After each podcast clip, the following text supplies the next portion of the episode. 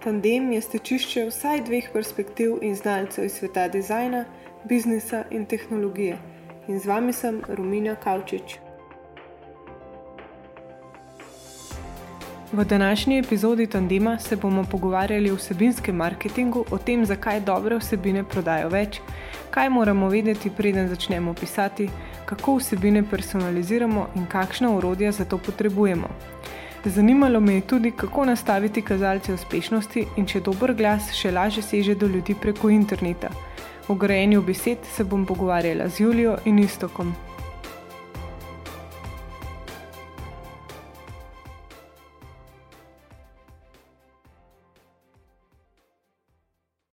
Julija je strateginja osebinskega marketinga na agenciji Renderspace. Pred prehodom na Renderspace je skrbela za digitalne vsebinske koncepte v agenciji Innovativ.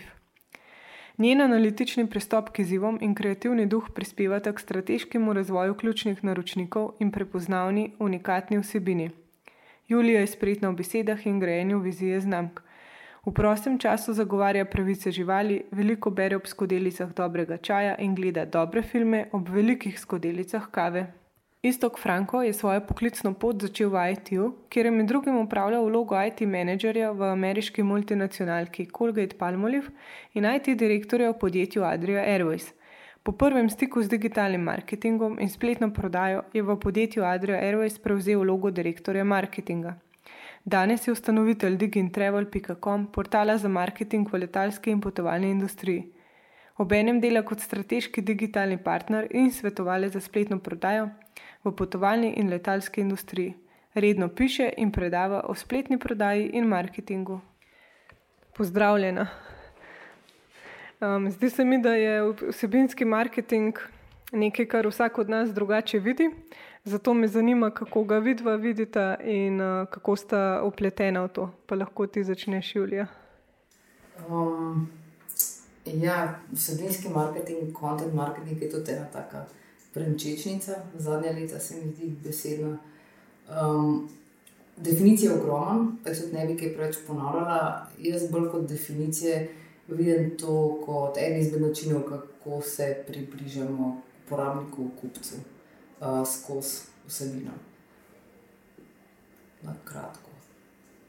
Kaj pa ti misliš, isto? Ja, za me je tudi content marketing tako, mogoče ena zdaj zelo, od zadnjih nekaj let, tak buzzword, ki je zelo pogosto uporabljen. Od tega, da govorijo content is king, ali pa je bilo skozi vsebina, vsebina.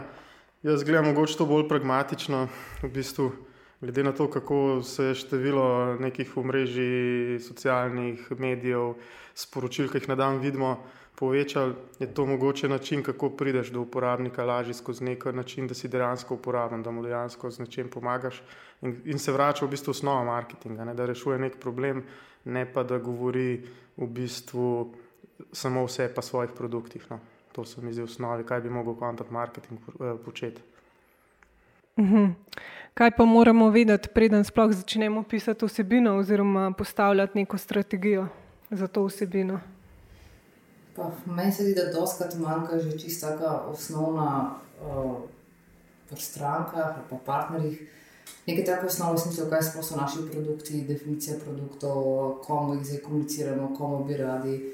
Se pravi, ta osnovna higiena se mi zdi že, zato je kdaj že zelo velika podlaga, no, da lahko kaj naprej delaš. Se pravi, vaše storitve, produkti, um, to je dober start strategije. Um, Aha, torej v bistvu neka segmentacija uporabnikov. Tudi. Mislim, tudi polka moš to narediti, pa lahko naprej greš na segmentacijo. No? Um, Jaz mislim, da že mogoče še en korak prej, sploh, kako sploh paše content marketing v splošno marketinško strategijo. Ne? Ker če ga v nekem vakumu delaš, je, se ga da narediti, sicer ali pa se da delati, ampak je veliko manj efektiven. Medtem, pa če se content marketing kot tak gleda kot del ene celote, ne? sploh ne vem, če govorimo o digitalnih marketinških strategijah, je potem to osnova, ne pa iz tega izhajaš naprej, kakšne vsebine za kakšno potrebo rabiš. V bistvu je isto tako dobro povedal to, kar sem nekako začela. Da ja, itak, mislim, ne bi bil podrejen poslovnim ciljem, problem je že, kadar te niso tako definirani, da prideš kdaj, pa bi nekdo že začel izvajati akcijo, ampak če ti tega nimaš dorečenega, je težko implementirati pol ne, neko tako močno stvar. Ne. Mislim, bo pol šipko izvenila, če to ni. Um. Uh -huh. A pa obstajajo določeni procesi, vem, da najprej rečemo, okay, če je prva faza, recimo poslovni cilj, pa je druga faza, vem, kreativno pisanje. Ja, pomeni še par. Ja. Mislim, ja, da je še par faz vmes. Um, Smisel je, da je treba prvo razmisliti, sploh, kakšen je generalen cilj, ne, kaj sploh hočemo doseči. In potem vsebine tudi prilagoditi marketinški strategiji. Vem, na konkretnih primerih, uh, vem, jaz eh, delam trenutno ali pa sem upleten tako v B2B kot v B2C marketing. Mogoče recimo osebno, kjer izvajam predvsem čist content-based B2B marketing v smislu nekega bloga, um, je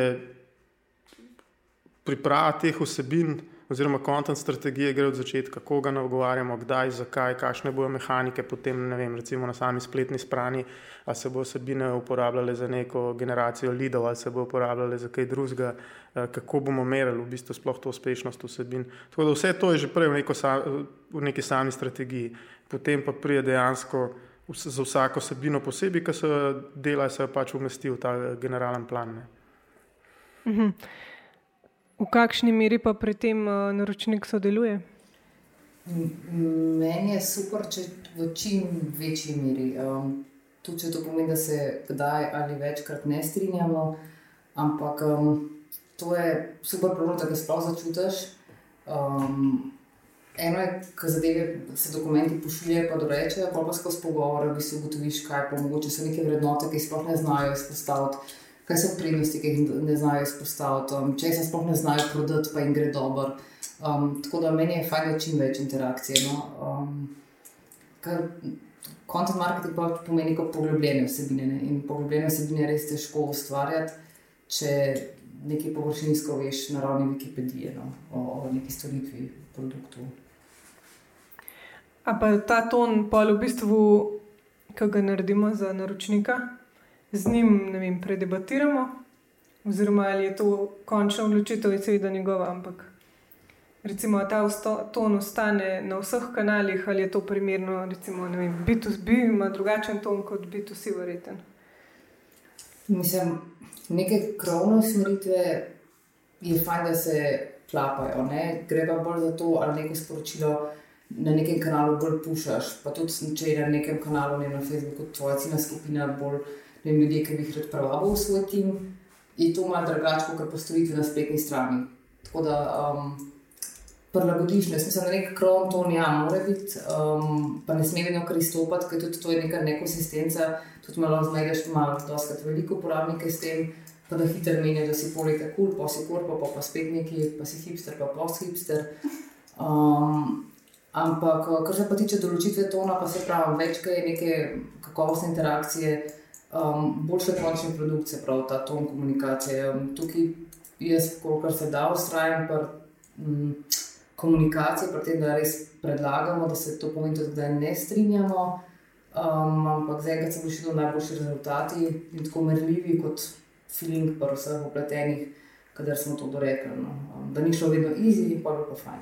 Tudi ni, po mojem, take razlike med B2B ali pa B2C. Najbolje je odvisno od same naročnika ali od samega brenda, ali pa če je to oseba, če je oseben brend ali pa uh, brend persona firme. Ne? Recimo to, kar sem prej omenil, jaz sam osebno svojo komunikacijo na B2B delam zelo osebno, ker, ker je v bistvu neka osebna persona. In jaz mislim, da je sploh v B2B se je zdaj eden glavnih trendov, pa jaz mislim, da je pravilen, da tudi ključni ljudje, ne, tudi ki so dobili socialnimi mreži, recimo nek eh, audience, neko publiko, v velikih korporacijah lahko buildajo osebne brende, ki so pa del korporacije. Ne? Ker recimo sploh za B2B se mi zdi ključno, da se na koncu ljudje vsem pogovarjajo z ljudmi, ne za, ne za neko uh, veliko korporacijo. Ne? Veliko lažje je delati posel, če veš, kdo je na drugi strani, če ga razumeš, če ga poznaš. In zdaj globalno nekoga najlažje spoznaš skozi kontent. Kaj veš, eh, kaj dela, kaj piše, zdaj sploh ni več v bistvu samo še kaj piše, tudi vem, video marketing, dela se video blogi, tudi v poslovnem svetu. Govorim, uh -huh. Torej, bi lahko rekel, da nekako vsebina izhaja iz person. Hmm, mislim, tudi ja, ker um, ti prekonto je nekako tako, da imaš eno ogromno morje vsega, vsega možnega informacij, doskrat gre za to, koliko more, da ne vem, poslovni partnerji ti ne vejo, da imajo toliko veliko vsebin in pol iz tega zreduciraš uporabne zadeve in potem naprej zreduciraš za koga, se pravi, kje ciljne skupine, segmenti bi bilo to uporabno in potem kdaj.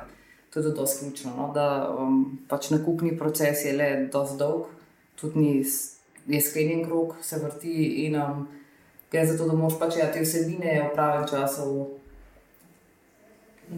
lansirati prav, pravi uh -huh. osebi, pravemu kupcu. Ja, v bistvu, ker razumemo potrebe ciljne skupine, pa lažje. Kar ja. ja tudi to, kar si omenila, persone v bistvu so na dveh nivojih. Ne. Eno je persona, je pa osebnost brenda, kot samega tega, kaj komunicira, ne. in na drugi strani persona ali pa več person. Ciljnih skupin kupcev, s katerimi komuniciraš. Tako da obema mora biti kontent eh, oziroma vsebina prilagojena. Ne točen to je. Um, ampak recimo, kako pa vidva dobita v pogled v določeno panogo. Um, ti delaš recimo veliko v letalski industriji in na začetku, ne vem, če je to prvi naročnik, ki pride, je zelo težko vedeti specifike. Mene pa zanima, kako poteka proces poznavanja. To, ja, zdaj, moja mogoče zgodba je malo specifična, ker sem tudi sam osebno prvi. Eh, kar dolg čas v tej industriji delal. Tako da moram reči, da, da recimo nek background ali pa neko znanje osnovno iz tukaj že imaš. Ne? Sam osebno sem itak, eh, bomo rekli, knowledge junkie ali pa se zelo rad učim, tako da se ne nehno, ne vem, pač spremljaš, bereš. Eh, v bistvu tudi, kaj jaz pripravljam kontent, v bistvu za, za, za svoj portal, za svoj kontent portal, za svoj blog v bistvu, da prepraviš eno kvalitetno vsebino, moraš veliko prej prebrati, preštudirati in iz tega v bistvu dobiš ideje, potem potencialno eh, tudi za koga drugega. Um, tako da jaz mislim, da pač treba se skozi učiti. Pa, pa. bolj, ko poznaš panogo, lažje delaš vsebino. Bolj, bolj poznaš, kot smo prej omenili, persone, lažje boš za njih pisal. Ja, ker se lahko pleteš. No. Mm, ja, pri meni je malo drugače, samo mogoče malo več različnih uh, poslovnih partnerjev oziroma strank. Um, Mislim, da je vedno fajn izhajati iz tega, kar sem prej omenila, čim več stika. Zato, ker uh, na tak način lahko večkrat spomniš na kakšne stare dokumente, ki sploh ne vejo, da se jim še kje valajo, uh, na kakršno koli gradiva, bolj ali pa manj, manj stara. Um, pa predvsem probujem tudi doskrat um, prositi, da govorijo še z drugimi ljudmi v njihovem podjetju. Um, Tle dobiš, mislim, ponovadi dobiš te toke ene vsebine pa ne samo o njihovih storitvah, pa produktih, ampak tudi um, recimo te ljudi, ki imajo stike z njihovimi kupci. To je nekaj fajn zgodb in hkrati uporabnih, koristnih, za brend se lahko veliko naučijo, pa tudi takih zabavnih, zanimivih. Um, to je eno, en način, ne se pravi ta stik z naročnikom. Um, Kadar je pa treba o temi poglobljeno pisati, pa ni moj, moje področje, je pa knjižnica, pa podobne zadeve. Mislim, jaz sem dva meseca nazaj šla v knjižnico samo zaradi tega naročnika in se vrnila z, z kufrom in um, preštudirala um, zadevo, no, ker mi je bila pač tako neznana. Tako da uh, se moraš pač deloma specializirati takrat. No. Uh, to je eno, tretje pa je seveda, da se vsega ne moreš specializirati in da je fajn, da imaš čim, čim bolj bogato mrežo ljudi. Ki se spoznajo na različne zadeve. No. Um. Jaz tukaj mislim, da dobro razumem Julijo, zato ker smo nek čas šlo delalo v razmerju, recimo eh, naročnik, pa agencija, izvajalec.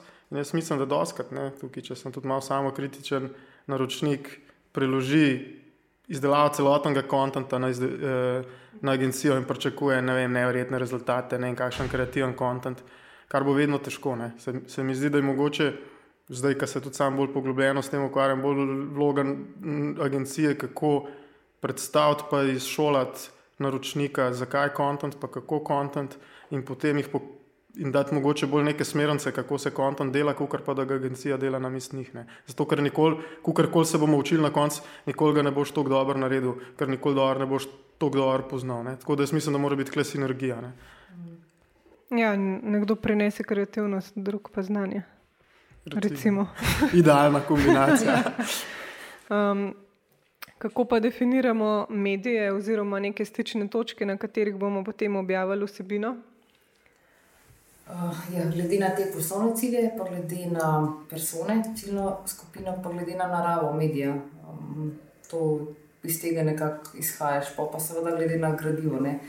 Če nimaš not video vsebine na polno YouTube kanal štartati, je mogoče malo preuranjeno, pa je kakšen drug kanal bolj primeren. No.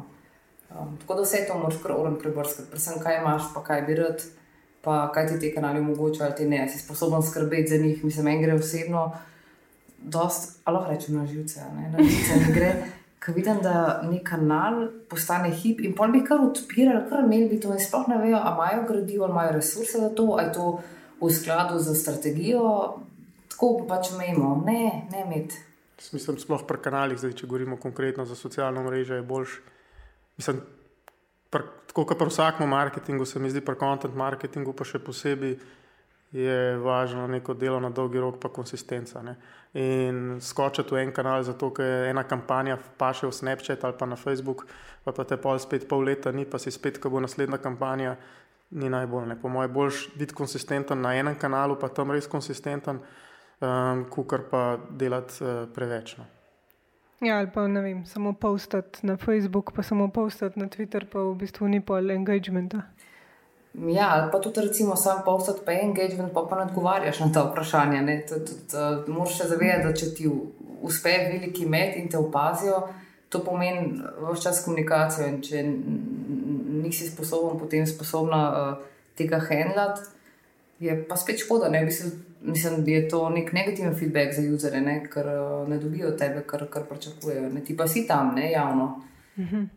A pa se je pametno na začetku recimo, fokusirati samo na en kanal in ga vzpostaviti, da deluje, in potem spet na drug kanal. Ali je to spet odvisno od biznis ciljev?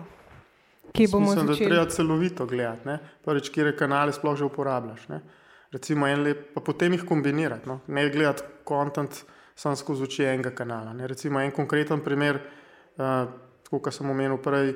Uh, recimo, sem delal za tuje naročnike, ki delajo v bistvu B2B marketing in je njihov glavni ali pa en glavnih kanalov, kjer uh, delajo, to so veliki eventi, veliki sejmi, kjer so industrijski, kjer pride ne vem. Uh, ne Tisoč, dva tisoč ljudi iz letalske industrije. Ne? In oni ogromno, ogromno enega efforta vložijo v to, da so na sejmu, um, se naredi tudi nekaj materijala, v bistvu to je pa v vakumu. Ne? Tako da mi, kar smo recimo probali, njihove obstoječe digitalne kanale v to ples. Ne? Smo začeli recimo komunikacijo vsebino, ki je bila tam predstavljena skozi neko prezentacijo, predelati recimo neko serijo mini blogov, siri, mini postov, jo skozi engagement v bistvu že pred sejmom delati in potem na samem sejmu je v bistvu. Je bil najboljši feedback tudi to za naročnika, ki so rekli, da sem prišel pa tebe poslušati. Zdaj, če si predstavljaš, da je tam 200-300 prezentacij v treh dneh, Ne? In vsaka ima recimo poprečno 100 ljudi, če si ti zbildaš audience in če ti narediš ta engagement že prej, si v bistvu že veliko posla že naredil prej. In potem tudi po samo sejmu, recimo se je delo engagement, se je pošiljal materijale, se je delal nek lead generation in to je v bistvu recimo to, da gledaš od začetka do konca tudi neke obstoječe kanale, ki jih imajo recimo stranke, a je to njihova spletna stran, a, to email, a so to e-mail lista, a je to njihov uh, socialno omrežje in offline svet združijo. Ne? veliko krat, ali pa bom rekel, še vedno danes se, se pa gledajo te zadeve zelo silostno. Ne? Gremo na vsem pet brošur, pa nazaj. Medtem, ko marketing na, na, na socialnih omrežjih piše nekaj čist drugega. Ne? Torej, v bistvu s tem, ko pridobimo zaupanje kupcev, da oni postanejo naši ambasadori, to je nek končni cilj. To, to da postanejo tvoji ambasadori, to, to si lahko daš kar high five. Aha, že, v bistvu je dolga pot do tam. Ja, je že, že to zaupanje, vračanje, pa že da te ozavestijo. Mislim, da to do, do, je to dobra podlaga za naprej. Je, mislim, to je sigurno cilj. Ne? Sigurno je nekdo, ki izvest, ki čaka. Ne? Se pravi, content marketing v osnovi bi lahko bil princip pull marketinga. Ne? Se pravi, da, nekdo, da, da imaš neke vsebine. Ne? recimo en dober kriterij je content marketing, dober ali ne, ali bi te nekdo pogrešal. Ne? Ali bi nekdo pogrešal zdaj, ne vem, tvoj blog, tvoj newsletter, tvoje, ne vem, poste na socialnih omrežjih. Ne? In če, če je to tukaj odgovor, ja, pa res deluje. Ne? Če, pa, ne vem, če pa ne, ne, če pa moraš čim bolj upiti, da te vidijo, pa obravnava, pa je pa to malo težje. Ja, mislim, da marketing je del inbound, podnega marketinga, se pravi, pretegniti kupce. In, um, mislim, super je, če ti uspe to, da nekdo ve, da bo pri tebi najdel odgovore na neko vprašanje ali pa jaz ne vem, si dober komentator aktualno političnih dogajanj in je tvoja stran, Facebook, karkoli kanal, podcast, prva stvar, ki ga bo zanimalo, kaj ima pa ta reč za to. to mislim, to, je, to so veliki mediji. A pa podjetjem manj zaupamo kot. Recimo, verjetno podjetjem teže zaupamo. Recimo, če ne vem, se zdaj spomnim, neka X zavarovalnica ima lahko zelo kvalitetne vsebine o zavarovalništvu, A nam bo prva prišla na pamet, glede na to, da vemo, da nam bo verjete, na koncu nekaj hotela prodati. Ali boljš nekje neutralno komunicirati, pa potem kot upsell ponuditi. Mislim, po moje, to mora biti to kakovostna sabina, da to ni moteče. Mislim, ni na meni, da bi ti kakorkoli skrivil za to povezavo.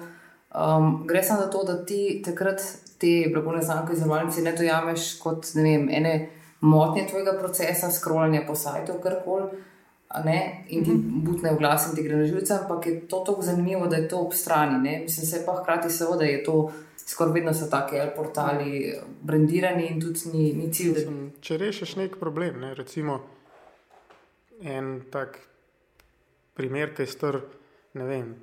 Mogoče ga mlajši ne poznajo, jaz ga že, ampak ne vem, vsaj 20 let, odkar je internet, ne vem, via Mišelin. Mm. Recimo, včasih nisi vedel, kako priti od točke A do točke B, in ti je, je rešil en problem, so ti zrisali pot. Še zdaj, na glavi, če, če veš, kakšno stvar na pamet, recimo, ne, jo vem, sigurno, ali pa greš sigurno sam pogledat. Ne.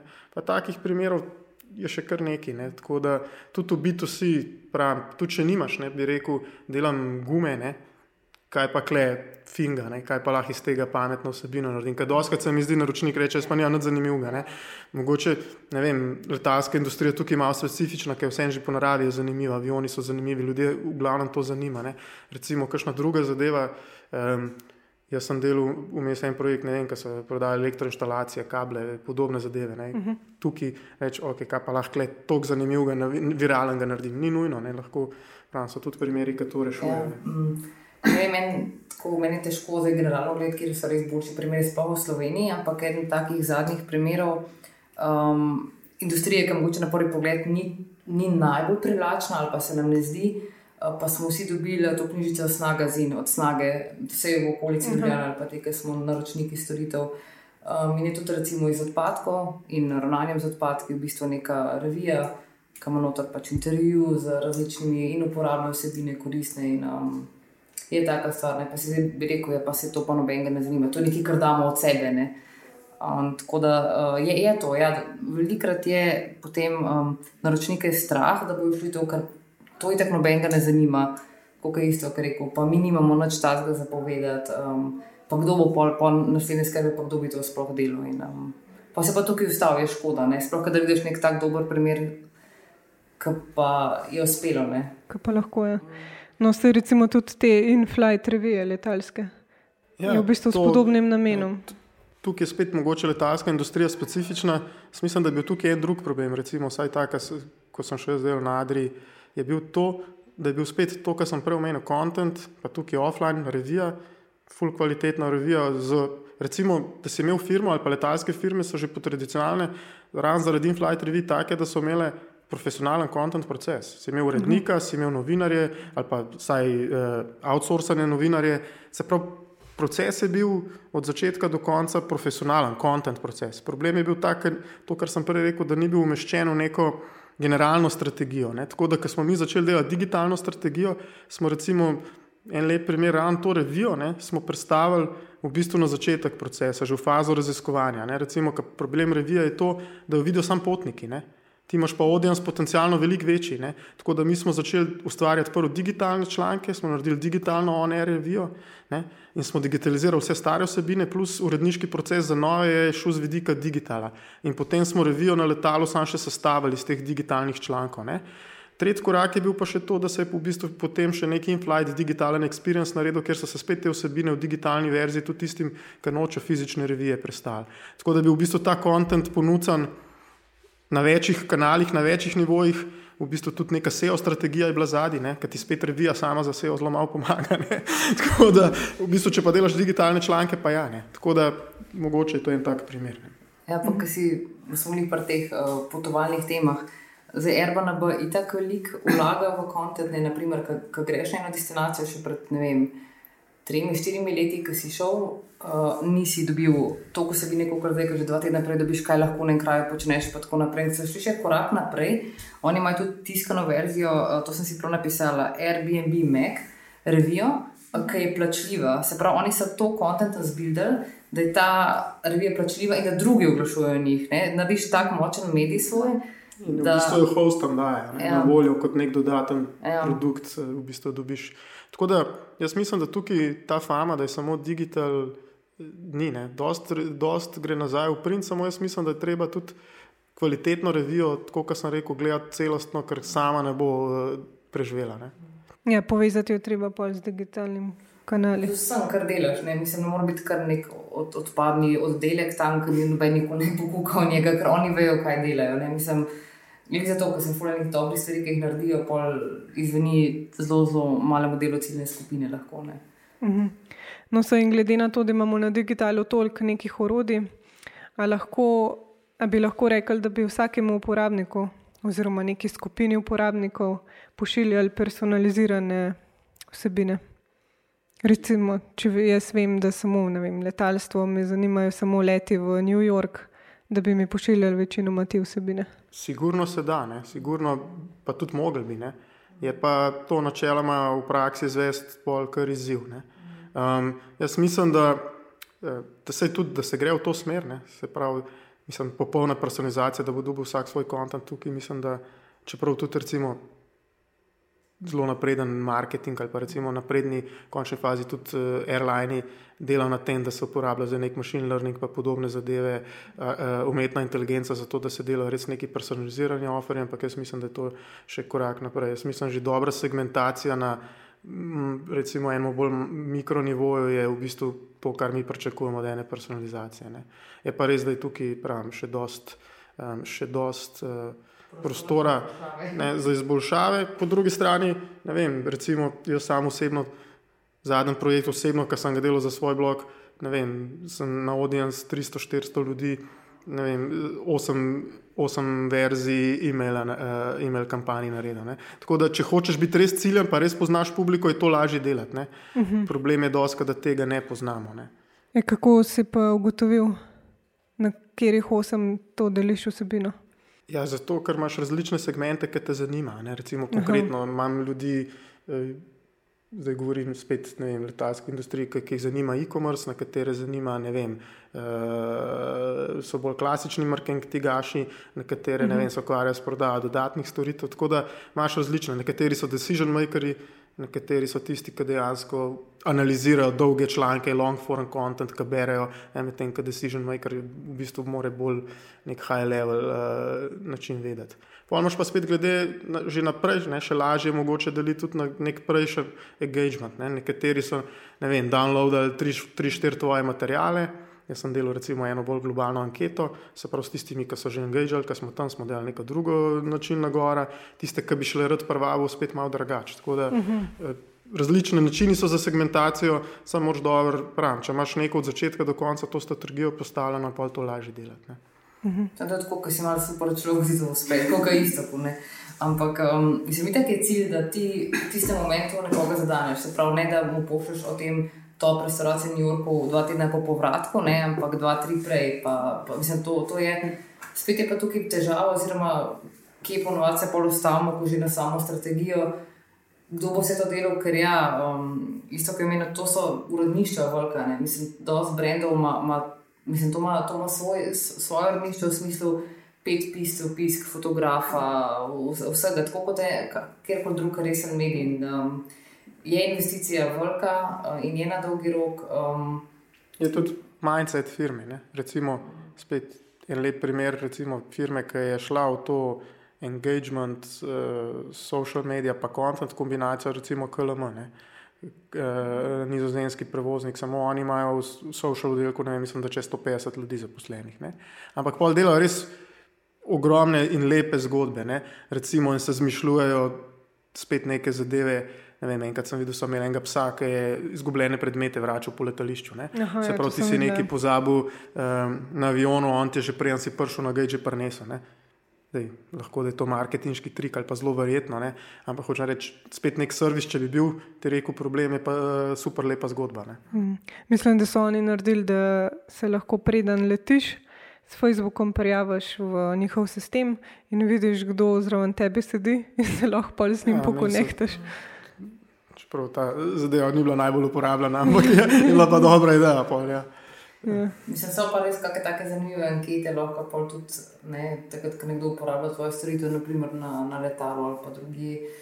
Um, fajn izhodišče za pridobivanje več podatkov ne, o tvojih kupcih, tudi to um, se mi zdi, da je še malo premalo izrabljeno, ne, da se pridobiva te podatke na zelo take suhoparne načine. Uh, je pa, če se mi zdi, kot sem jaz imela stika. Tem, da te kaj brendi sprašujejo, še veliko možnosti za, za izboljšave, hmm. za marsikaj. No. Korak po koraku je treba iti. Jaz mislim, da vsi začnejo z nekim, bomo rekli, broadcast kampanjami, pa kontentom, se pravi, za vse isto. Pol pa začneš deliti, verjetno prvi koraki so ne, ali po nekih trgih, po jezikih, pol pa po nekih segmentih, pa naprej. Ne. Mhm. Kdaj pa rečemo, da je bila uh, vsebina uspešno napisana? Obstaja kakšen način merjanja, oziroma kaj so ti uh, ključni kazalci? Mislim, jih je veliko, ne glede, glede na cilje. Rečeš, pa je bilo uspešno, to je zdaj lahko vem, engagement rate, čas branja nečesa, um, ali pa poslušanje neke oddaje, podcasta. Lahko je to, koliko je bilo teh šerov na social mediji. Um, si nekdo zazlodil, to je stvar, pa si pa tudi podatke, recimo, dobil. Ne. To je dosti odvisno od tega kaj, kaj si sploh hotel s tem, s tem prispevkom narediti. No. So kar mrljive, mislim, mislim, da so lahko so to zelo kvantitativni, pa so pa še pač nek kvaliteti, ne KPIs. Mislim, jaz mislim, da ni glavni problem, da danes več toliko merjenja, ne? ampak jaz mislim, da imajo ljudje še vedno probleme, kjer metriko, za kjer, pa kjer se pravi, kjer KPI, za katero, za katero vsebino, pa za katero aktivnost vzeti. Tako kot je Julija rekla, lahko imaš nek kontent, kjer hočeš delati nek awareness, nek engagement, doseči čim več ljudi, lahko imaš pa neko vsebino, ki je pa že zelo, ne vem, recimo bomo rekli, zelo generacija nekih potencijalnih lidov. Ne? Tako da metrike so lahko zelo različne. Ne? Uh, in jaz mislim, da je bolj to, da se mi zdi, da je tukaj še malo nerazumevanja različnih metrik, taj, kjer uporabiti. Pa, pa mogoče reče za kakšno aktivnost, da ni bila uspešna, pa mogoče sama metrika ni bila ta prava ali pa je na robe mermo. No?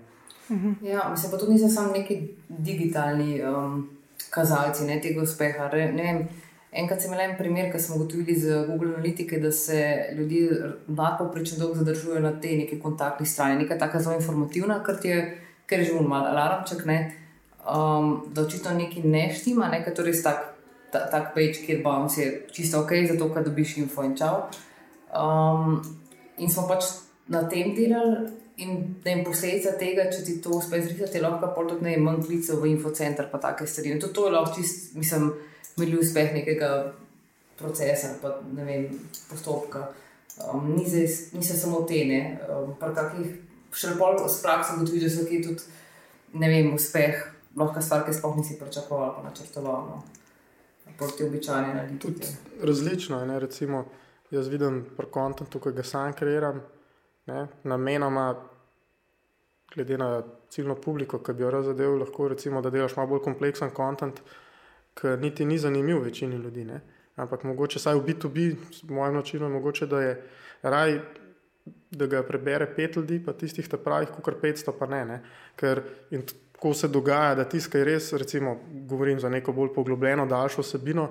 Eh, nekdo, ki je sposoben, bom rekel, sprocesirati, ki razume, potem tudi razume na drugi strani, kaj ti veš, da si to naredil. Ne? Iz tistega se lahko zelo hitro potem tudi vem, eh, zgodi, ne vem, ali lit ali pa tako, kot sem rekel, celo eh, nek del za nek projekt. Ne? Mm.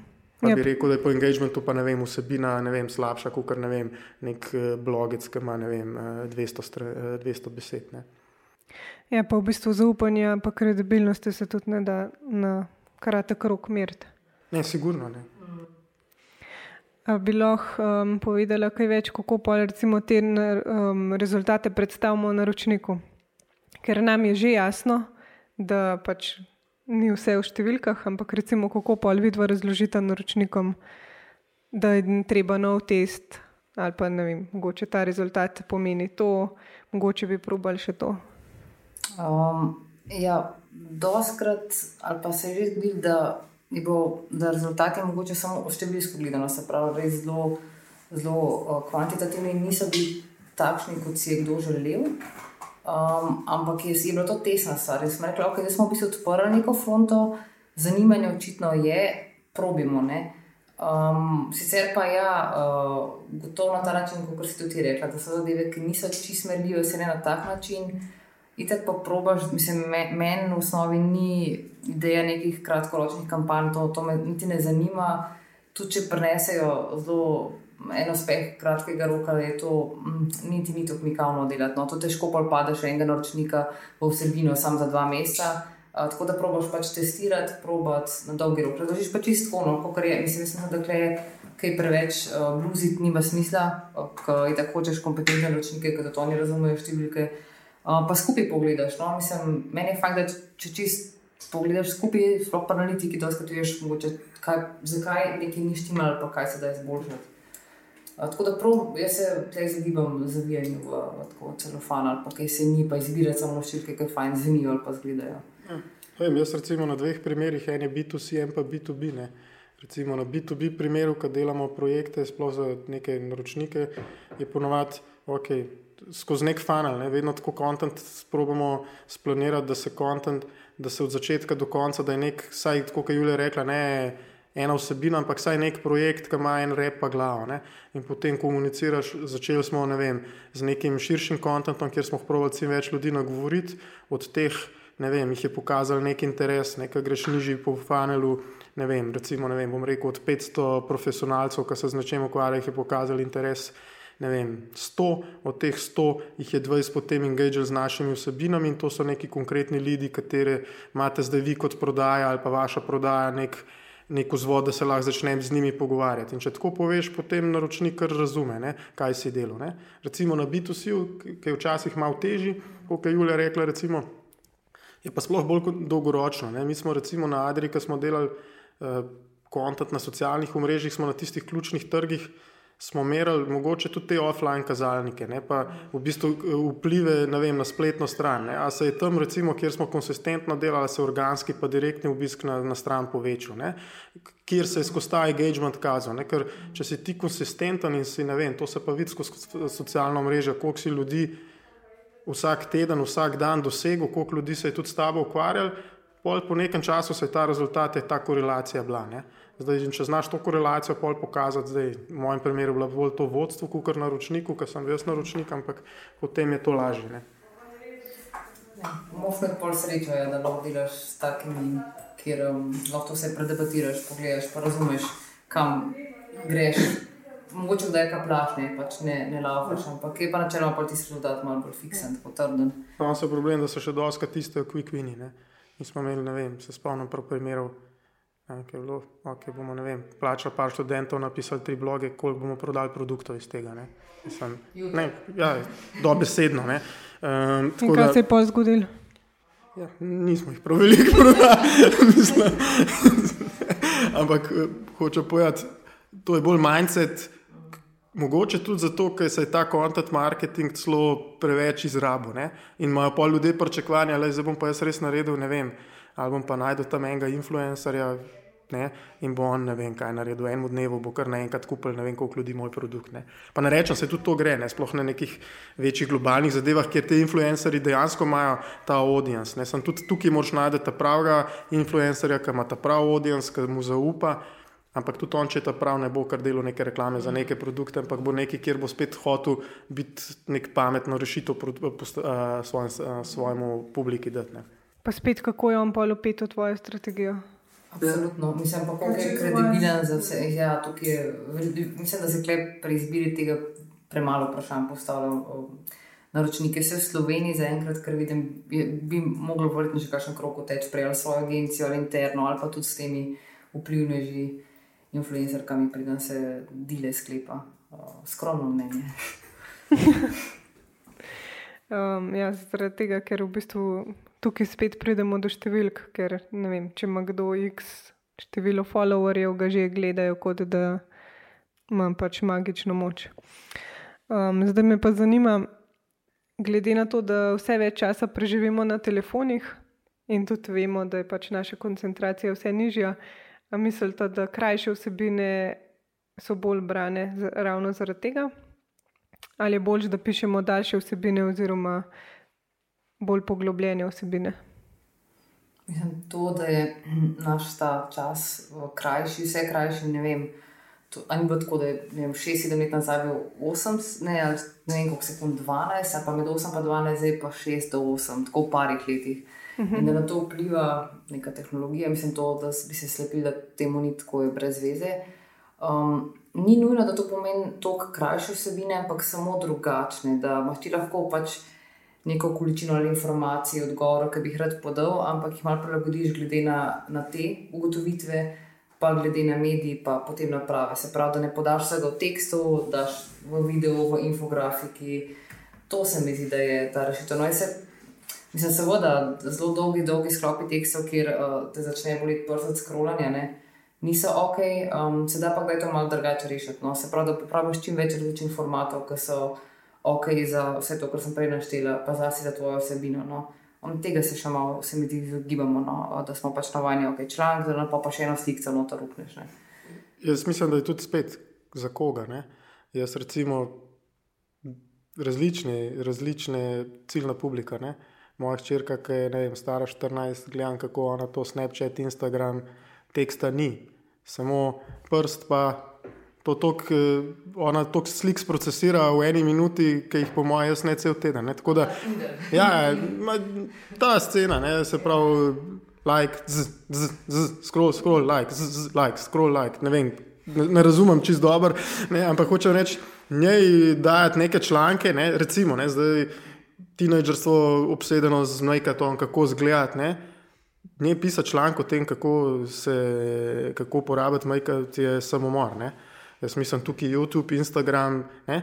Druga stran, to, kar sem prej rekel, samo osebno delam B2B vsebine, eh, ker sem šel zavestno v to, da se dela long form content. Ne? Se pravi, ne, neki blogi, ki niso pod 2500 vsebin. Ne? Jaz sem le uh, besed, jaz sem recimo nam rekel. Julija, eh, bom uporabil tvoje naživce, mi gre, ker vidim uh, marketinške bloge, ki so, ne vem, 200, uh, 200, uh, 200 besed in 5 pet na, ste, eh, pet na, eh, pet na, na svetov. Kako, kak, ne, pa se how to sam po sebi je v redu, tudi jaz jih delam, ampak dejansko, kakšen je ta how to, ne, si to zbral, ne vem, pet floskul, pa jih potem se predstavljaš kot nek strokovnjak, bo zelo težko si zgradil kredibilnost. Ne. Tako da spet jaz mislim, da dolga vsebina ni narobe, ne, um, ali pa po defaultu ne, predvsem komu, pa zakaj. Ne. Ja, je pa res, da tudi, ker jaz tudi malo pač kukam njegove vsebine. Ne? Je pa res verjeten, da je fajn, da je s kakim screenshotom, pa kar potrdiš. Mislim, je, ne, sigurno ja, so recimo do, ja, dolge, blog, ja, dolge dolg, ne vem, 3000 besed mora biti napisan tako, kot zdaj vsebine beremo. Ne? Se pravi, ne vem, jasen naslov, subtitli, vmes neke slike, povzetki. Zato, ker še vse en tudi moje vsebine, ne? recimo konkretno ali pa tudi sam, kadar konzumiram dolge vsebine, jih sigurno sploh na telefonu ne berem. Ne? Ampak jo boš preskrolil, če je zanimiva. Ne vem, jaz uporabljam Pocket in Safe, ne? pa potem jo za nekdaj drugič. In zdaj, če nekdo si shranil mojo vsebino, sem jo že veliko naredil. Ne? Um, ampak da bo pa nekdo shranil, pa, pa mora biti tako narejena. Ne? Še danes vidim dosti teh dolgih vsebin, ki pa sam tekst. Ne? Ti se pa hitro potem zgubiš. Um. Je ja, struktura pa že ni več, ok, mislim, logično. Um, pa bi lahko rekel, da uh, tudi na spletu dober glas je že v deveto vas, da postanejo te vsebine še rebel. Mislim, absolutno. Seveda, zdaj sam uh, je fajn, da na začetku ti je jasno, da je mogoče tako, kot se premijo. No, če še rebel znotraj ene oske ciljne skupine, je mogoče boljš, pa da pride do teh pravih ljudi, kot da je zdaj vse na polno viralno, ni treba, da je vse na polno viralno. Ne? Mislim, malo odvisno. Ampak, Um, seveda, seveda, dober glas. Ne vem, tukaj tudi. Kaj pa glede videa? Recimo zdaj, ko vsi, mislim, glede na to, da je Facebook poln video vsebin, imate kakšne nasvete, kako to vsebino vključiti v kontent strategijo? Pametno. Ja, jaz mislim, recimo to, kar sem prej omenil. Ne, ne vem, se je bila tudi neka statistika za YouTube, pravi ta how-to, ali pa da on danes, ne vem, da nam govoril uh, samo šminkanju, ne, ne vem, vrtno uto postavljava ženo, ki je bolj handyman, kot jaz. Ne. Kje, kje danes iščeš na svet, kako boš naredil? Sorry, Julija, v knjižnici ni več, ampak YouTube, ne, se pravi, dejansko, jaz mislim, in tukaj spet pametne vsebine. Ne, recimo, jaz sem jo kupil v Bauhausu, če bi imel Bauhaus nek kanal ali pa neko podobno slovensko podjetje z nekimi takimi nasveti, jaz mislim, da lahko prideš do, svojih, eh, do svoje ciljne publike. Tako da tudi video se zna zelo dobro ponuditi, samo spet treba uporabiti. Recimo en dober primer spet iz prakse, eh, roštilj. Ne, jaz, ne vem, Am reklamo, da bo Weber roštilj za rojsten dan. Ne? Potem, kako nekaj uporabljaš, ima gor ni, da ni. Ne? Od njihovih vsebin do teh, ki si prej omenila, uh, zdaj pa že fenov, ki delajo, kako se ta roštilj uporablja za to, da se, da se določene zadeve uh, naredi. Ne? In v bistvu super kanal, ne? spet, ampak uh, po mojem, treba prilagoditi temu, kar hočeš. Ne? Ja, Pač video, sploh za, za spletno okolje, se dosta gleda, kaj jim podaljša po glasu za TV ali kaj podobnega. To se mi je, kot en tak luškan, malo daljši, lahko še malo več stvari, nota da še več produktov, pa akcij tega tedna. Um, in to je narobe, se tudi rezultati večinoma tako potrdijo, da, da se to ne dela tako. Mislim, content marketing je pač tako iskanje nekih teh težav, kot imajo kupci, recimo UT, make-up in tako naprej. In ti moraš prav videti, kako s tem formatom. Ne, v bistvu biti koristen. Um, in seveda, video je, je, je fajn um, način, ne format za to. Um, je pa ja, Facebook zdaj full preferira, ne, če se algoritem, mislim, video totalno preferira. Tako da uh, skoraj ni izbire, če si gledal, da ne vem, to ignoriraš, to dejstvo. No. Ampak to, ko se je ostalo, no, se zažene na polno, pa pol uh, posnet z videom svoje produkte, pa mislim, da bo to uh, viralno in si drvel, pa ne. ne. Um, Ja, je teže. A pa se v Sloveniji zavedamo pomena vsebinskega marketinga, oziroma če vidite, kakšne izboljšave? Ja, jaz težko odgovorim. Mislim, verjetno, da jaz, rekel, ne vem, če je Slovenija zdaj kaj bistveno eh, drugačna od ostalega sveta. Jaz mislim, da posod imajo podobne probleme in posod so ljudje, ki se zavedajo, pa ki se ne zavedajo. Ne. Um, jaz, recimo, uh, vidim en challenge, recimo, sam, tako kot sem rekel, ko sem se osebno lotil recimo, uh, nek, nekega projekta ali posebnega projekta, ki je narejen na vsebinah, je ta challenge, kako res to konsistenco držati. Ne. Sploh potem, ko si v hitro upleten v neke, uh, da je tudi upravila projekte, ki delaš strankami. Ampak tukaj je recimo ena strategija, ki jo se saj sam probam držati, držati recimo, da saj vem, en dan na tednu posvetiš temu, da delaš res vsebine. Ne. In pol deluje, ne? pol v bistvu prodaje skoraj da ne rabiš, ker v bistvu je ta pull marketing, ki te ljudje najdejo, ljudje te kontaktirajo, ljudje bi radi s tabo delali, ker te že poznajo. Ne? Ti star princip, dvigni telefon, jaz sem pa ta, pa ta, pa znam to, pa to, ali pa e-mail, jaz sem ta, pa ta, je tukaj. Je pa res, da si za to pravim, doskrat potem zmanjka časa, doskrat zmanjka ali pa volje energije. In tukaj, če si konsistenten, pa dosleden, sigurno content marketing eh, deluje. Ne? Enako je v podjetjih. Ne. Pač eh, marketing ima vedno nekaj, če, če, če nekaj dela na dolgi rok, potem je smisel, da, da dejansko se, se tudi zavejo, kako to uh, deluje. Zdi se mi, da zavedanja je dost. Polo vprašanje, kakšne korake so naprej. Se mislim, da so bila neka opozorila, da je zdaj content marketing že nekaj let v obtoku in da marsikdo pričakuje že zelo resne rezultate in da jih tega, ko bo marsikdo obupu da je treba nadaljevati, ker to je stvar res ne samo let, ne, še več, po mojem, desetletje. Mislim, vse se kaže pri rezultatih, ampak ne moš kar pet let se iti, pa, pa ne, pa, pa čez en leto spet vklopiti. Meni se ti bolj problem to, da zavedajo vse, pa bi tudi radi, želje so. Ampak pole pa ta vidik, no se bo eno podjetje, to še zraven, poleg vsega, bo še enkrat na teden nekaj napisal, napisala. Ne. Um, in seveda je pač verjetno ta nekdo že dosto obremenjen, obremenjena in če pa na hitro nekaj napiše, to ni content marketing. Ne. pač neko pisanje nečesa, povzemanje brez strategije. To je pač um, mogoče en dnevnik lahko podjetja ali pa kar prozih ali pa ne content marketing. Bele to se mi zdi problem. Zavedanje, da to obstaja, ja. Kaj pa to dejansko je, koliko dela v zadnji, to tukaj pa se mi da še ni tako močnega zavedanja ali pa ne vem, so pričakovanja za enkrat. Ne vem. Ja, mogoče spet mislijo, da je to samo nek podaljšek. Ja, mislim, pač nekaj napišeš, pa pa še na, no, na Facebooku vržeš. Skopiraš ja, v isti obliki. Ja, ja, ja. Podaš pa še isto lahko na vse druge kanale, pa moš teden pokritne. Zdaj pa sem čakal še prodajo. ja, ali pa v bistvu te aplikacije, ki so, ki že kar noter naštimaš, kdaj bo objavljen. Um, obstajajo kakšna urodja, ki jih samo uporabljate, oziroma se vam zdijo smiselna? Ogromno enih urodij. uh, ja. Za pisanje vsebine. Ja, za vseba, dobro, osebno recimo za, za pisanje, pa za vsebine, osnova WordPress, kjer se pač za blogging, ki tako, mislim, mainstream tool. Potem znotraj tega so neke SEO pripomočke, da ti pomagajo, ki imajo zdaj novi pripom recimo, pripomočki, ki ti tudi pri samem readability pomagajo pol, ne vem, nekaj čist. Uh, Kaj, naprimer, za readability. Recimo za, za WordPress imaš recimo Yoast plugin, en tak, ne? recimo, ki ima neke guideline, uh, pol imaš, mislim, da zdaj en super lušno urodje, če pišeš angliško vsebine, Grammarly, recimo, nekaj tudi podoben pomaga. Tako da to je recimo samo za kreacijo. Ne? Mislim, da se res urodi tukaj, ni da ni, ne? recimo um, tudi. Uh, En kup ljudi je, recimo, vem, na, recimo Fiverr je en tak komunity, kjer je en kup ljudi, ki ti lahko pomaga, dober kontent narediti. Ker recimo znaš sam napisati, ali pa imaš v firmi nekoga, ki zna napisati, ne zna pa zdizajnirati nekaj, ali pa ne zna eh, ne vem, zlektorirati. Ne? Tako da en kup. Jaz mislim, da to je danes ena dobra stvar tega, da res lahko, vsa, mislim, nam rekel vsak, če se poglobiš, lahko veliko naredi. Ne? Ni pa treba, da ima zdaj zaradi tega ekipo 20 ljudi, da se, da se to skombinira. Mislim, jaz ne vem, analitiko, pač probam in za vem, družbeno mrežo in pač Google.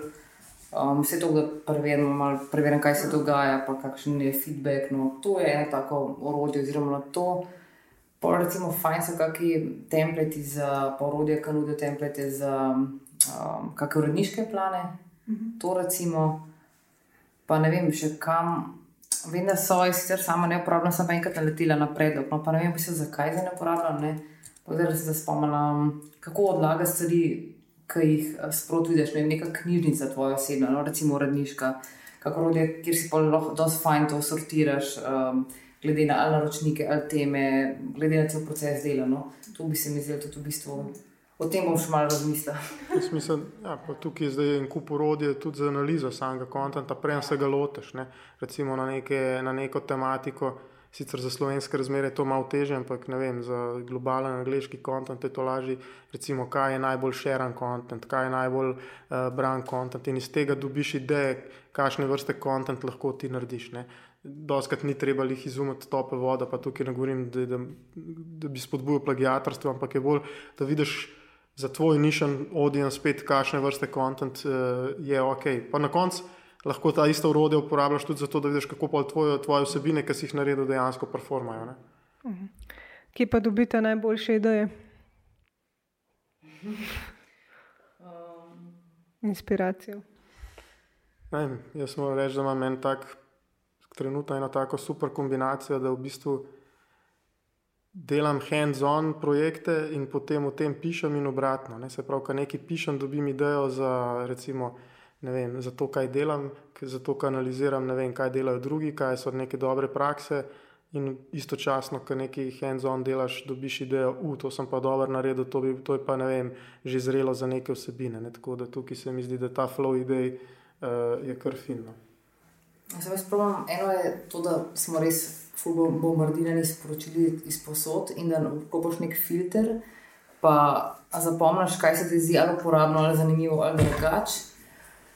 Ampak le moramo pohvaliti, da jih še vedno črpam recimo, iz svojega študija. No, tako kot se meni zdi, pa se nam je zdelo, da filofax, pa mislim, to pa je čist neuporabno ne, ne študij, pa kaj nam bo, da to, kaj ne prebrane literature, pa različnih um, ljudi, pa debat, pa ogledov ne vem, različnih institucij. To se mi da je tako da en velik bazen, ki še zdaj črpam iz tega. No? Recimo ta uh, pozna najstniška, pa študentska leta, uh, prav iz tega še, še zelo veliko. Pa če ne direkt, se spomnim nekoga, ki je bil v tem področju in ga vlada nulo in ve, pa za deset unih, ki področje še bolj vladajo. No? In, um, to je to, tak skrivni žepek, ki ga skozi brskam po njem. Tako da hvala, Filofax, vsem. Zdaj pa še zadnje vprašanje, in sicer kako lahko neprestano rastemo. Z učenjem. Mislim, da z drugega ne vidim, kukar, da se konstantno učiš. Ja, to pa da, da, mm, da ti ni dolg čas. No? To, recimo, da si najdeš neke stvari, ki so ti zoprne. Zato, ker si ti zoprne, pa si jih probiš ali losati ali nekaj. Čim je pa preveč udobno, rutinsko, pa se mi pa da si na isti stopni vse čas. No, tako da malo te, te zoprne zadeve se treba lotiti. Tako najdeš jih, no. vse so, ampak ponavadi jih fuli zagibamo. Ja, mogoče bolj izzivi. Okay. Ja, nekaj, ja. Nekaj, ja, da greš iz te svoje zone obdobja, mm. pa probaš. Je pa, jaz mislim, da recimo, iz osebne izkušnje se mi zdi, je mogoče dober tudi vem, če se lotiš ustvarjati enkrat kontent, ki se veliko naučiš. Ne. Veliko se naučiš v samem marketingu, tako kot tudi Julija to dalj časa dela. Ve. Se pravi, treba je vem, kako komunicirati, kako pisati, kaj pisati, komu pisati, kako strukturirati. Mislim, da je to ena dobra šola za vsakega. No. Um, Sploh za, za tiste, ki delajo v marketingu. No. Um, Jaz se mi zdi, da s pisanjem tudi pol, um, razčistiš svoje misli, oziroma jih izkristaliziraš. Ja, ja, je en tak uh, filter umestne, kaj vse misliš, tudi da je kaj vse misliš, da veš ali pa ne veš. Pa pol že sproti, ki pišeš, najdeš ali manjkajoče stvari, ali pa fulejnih potencijalov. Imáš idejo za en prispevek, en članek, pa kdo je že iz tega lahko cela rubrika ali pa da bi se sploh ne veš, kako velik je en odstavek in ja. smo že vse povedali. Ali pa obratno, če ja. ti zdi neki super ideja, pa, pa je treba pa to na papir, da pa je že po treh stavkih nima več kaj napisati. Ne. Čas je pa obratno, čas pa kar pada, pa, ne more, pa se ne moreš ostaviti. Ja, super. Pol hvala za vse te insajte in ključne stvari. Ja, nisem pozdravila bi vse, ki me poznajo, pa profesorjev Grinca iz filozofske fakultete. Hvala.